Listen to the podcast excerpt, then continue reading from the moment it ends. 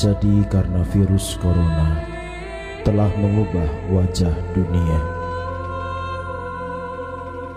Jutaan orang terinfeksi, bahkan tidak sedikit nyawa melayang.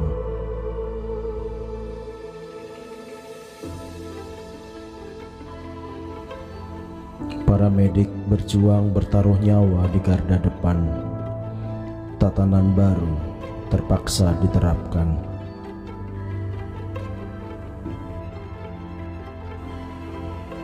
Kota mendadak sepi, penerbangan dibatalkan, perekonomian terjun bebas, jutaan orang kehilangan pekerjaannya.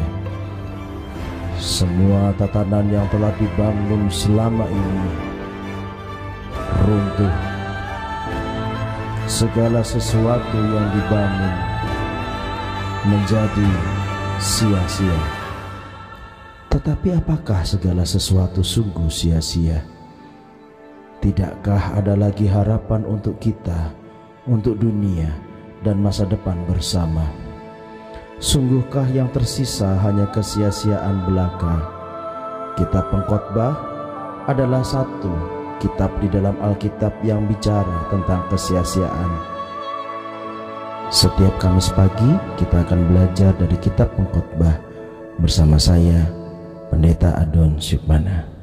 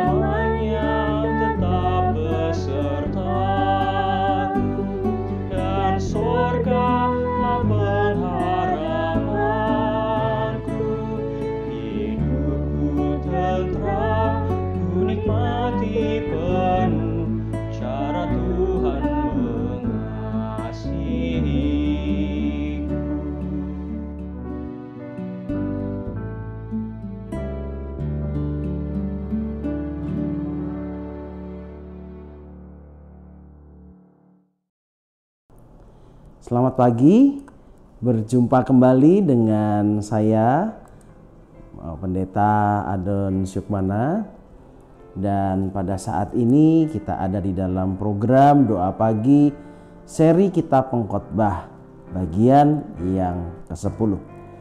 Hari ini Kamis 20 Agustus 2020 firman Tuhan yang akan kita renungkan terambil dari Pengkhotbah 7 ayat 23 sampai 8 ayat 1.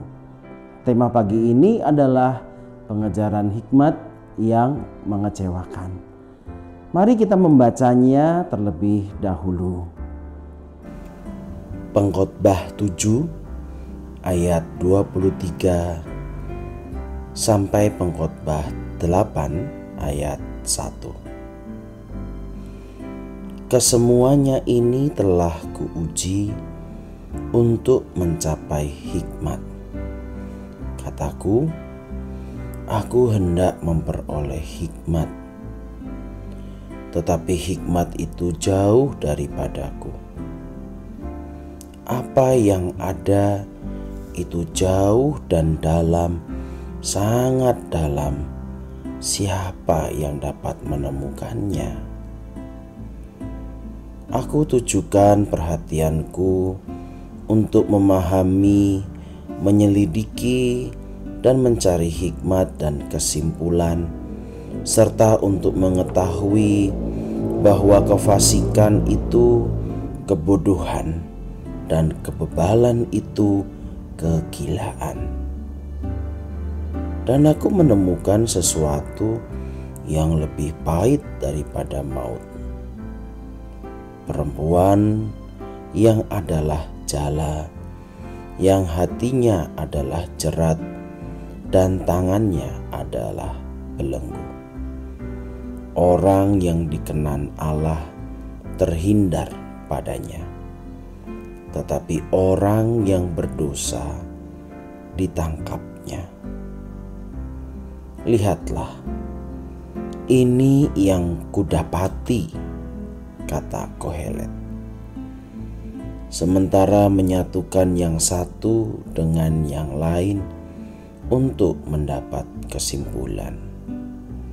Yang masih kucari tetap tidak kudapati kudapati seorang laki-laki di antara seribu, tetapi tidak kudapati seorang perempuan di antara mereka. Lihatlah, hanya ini yang kudapati, bahwa Allah telah menjadikan manusia yang jujur, tetapi mereka mencari banyak dalih. Siapakah seperti orang berhikmat, dan siapakah yang mengetahui keterangan setiap perkara? Hikmat manusia menjadikan wajahnya bercahaya, dan berubahlah kekerasan wajahnya. Nas kita pada hari ini terambil dari ayat yang ke-29.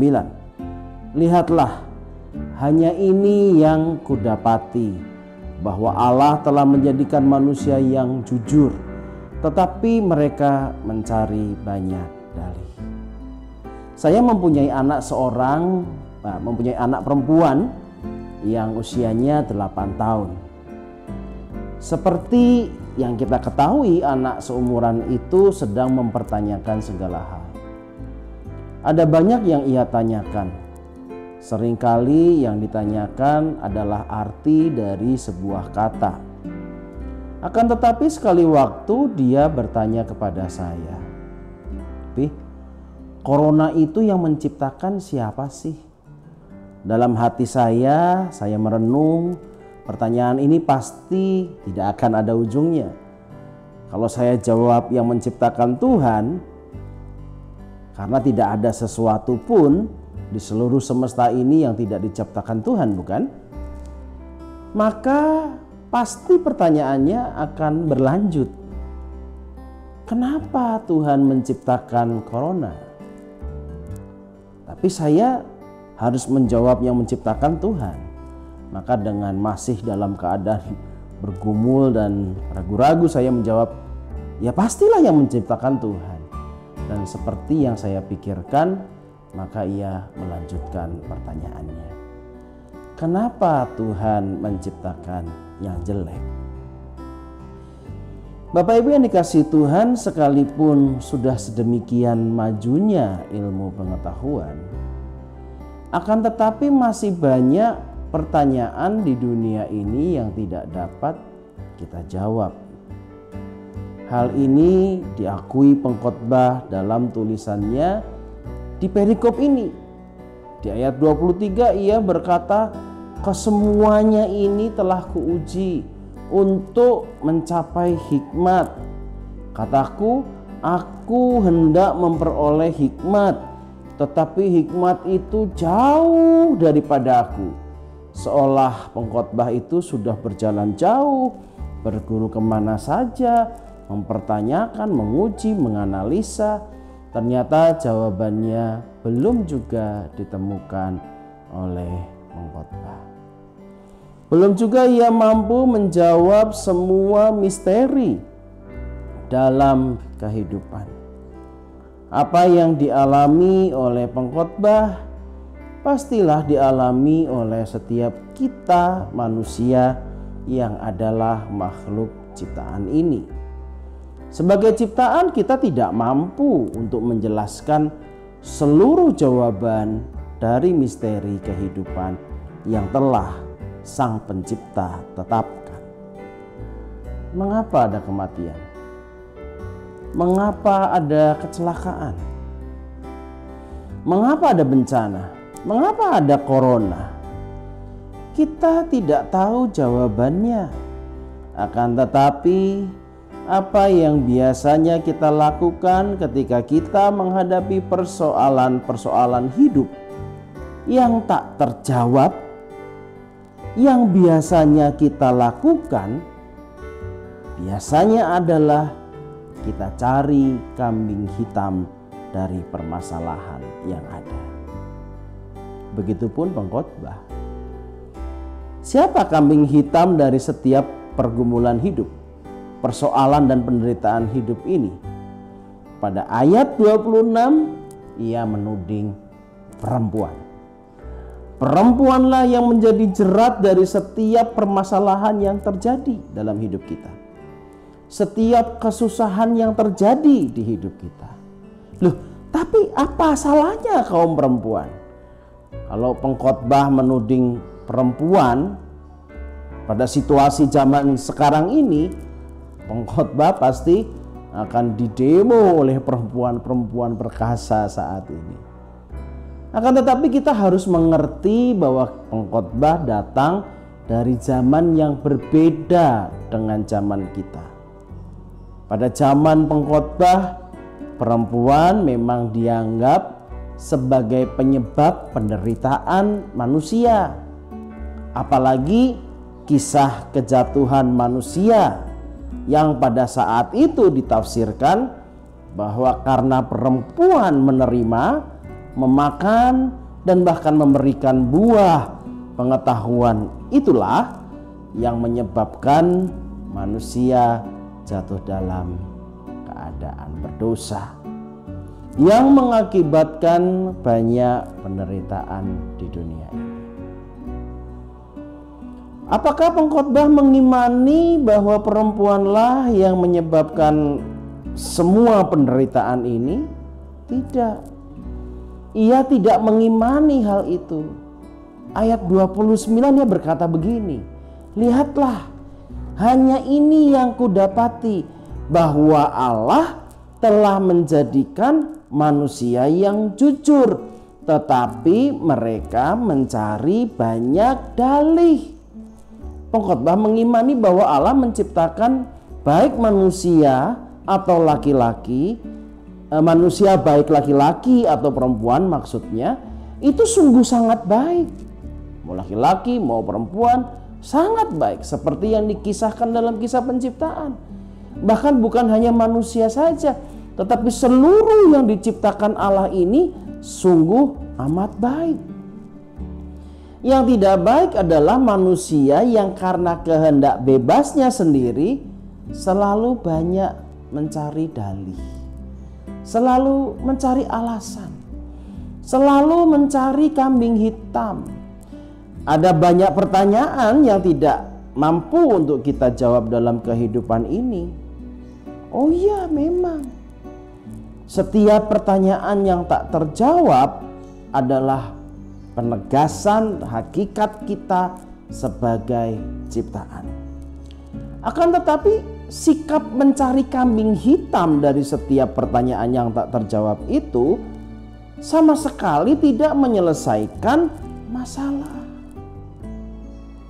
Berdamai dengan pertanyaan-pertanyaan tak terjawab dengan tidak mencari terus-menerus mencari jawaban dan mulai hidup berdampingan bersama pertanyaan tak terjawab itu, justru membuat kita bisa melangkah maju dan tidak terikat lagi dengan persoalan yang ada. Virus corona sampai saat ini belum dapat teratasi dengan sempurna. Dampaknya pun masih menjadi PR besar yang harus ditangani. Daripada kita mencari kambing hitam, siapa yang harus bertanggung jawab? Bukankah lebih baik jika kita mulai menata kehidupan, bekerja, bersekolah, beribadah dengan protokol yang sudah ditetapkan, dengan peraturan new normal ini? Buat apa kita menyalahkan gereja, salahkan pemerintah, menyalahkan negara? menyalahkan negara Cina bahkan tempat virusnya ini berasal, menyalahkan protokol yang ada, menyalahkan WHO, ujung-ujungnya menyalahkan Tuhan. Kenapa dia ciptakan? Apakah itu menyelesaikan masalah? Berdamailah dengan keadaan yang sekarang ada. Jangan mencari dalih. Jalanilah kehidupan yang saat ini harus berjalan, yang memang seperti ini adanya Loh memang tidak enak, memang tidak nyaman. Tapi baiklah kita tidak berdalih, tidak mencari kambing hitam. Karena semua yang Tuhan ciptakan pastilah baik adanya. Bapak Ibu yang dikasih Tuhan, mari kita berjalan menghidupi new normal ini dengan sukacita aturan-aturan yang ada, protokol-protokol yang ada, mari kita ikuti. Tidak perlu kita kemudian uring-uringan, kecewa, nyalahin pihak sana, pihak sini. Segala sesuatu itu Tuhan ciptakan baik. Tidak perlu kita berdalih, mencari kambing hitam yang kemudian itu tidak membawa kebaikan apa-apa. Segala sesuatu yang diciptakan Tuhan sungguh amat baik. Jangan kita berdalih. Amin. Mari kita berdoa.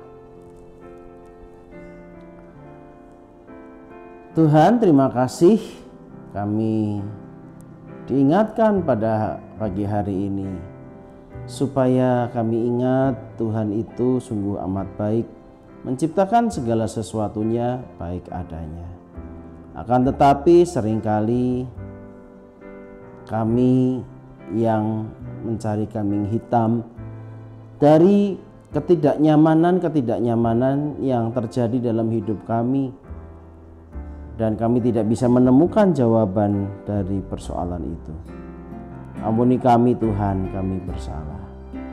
Kami suka sekali mencari kambing hitam, kami suka sekali mencari dalih-dalih dan mengumumkakan itu semua untuk pertahanan diri kami sehingga kami tidak maju-maju dalam kehidupan ini. Tolong kami ya Tuhan supaya kami dapat dengan sungguh-sungguh menjalani kehidupan yang Tuhan berikan kepada kami. Pagi ini kami mau berdamai dengan banyak pertanyaan yang tidak terjawab dan mulai menata menjalani kehidupan. Terima kasih ya Tuhan yang baik.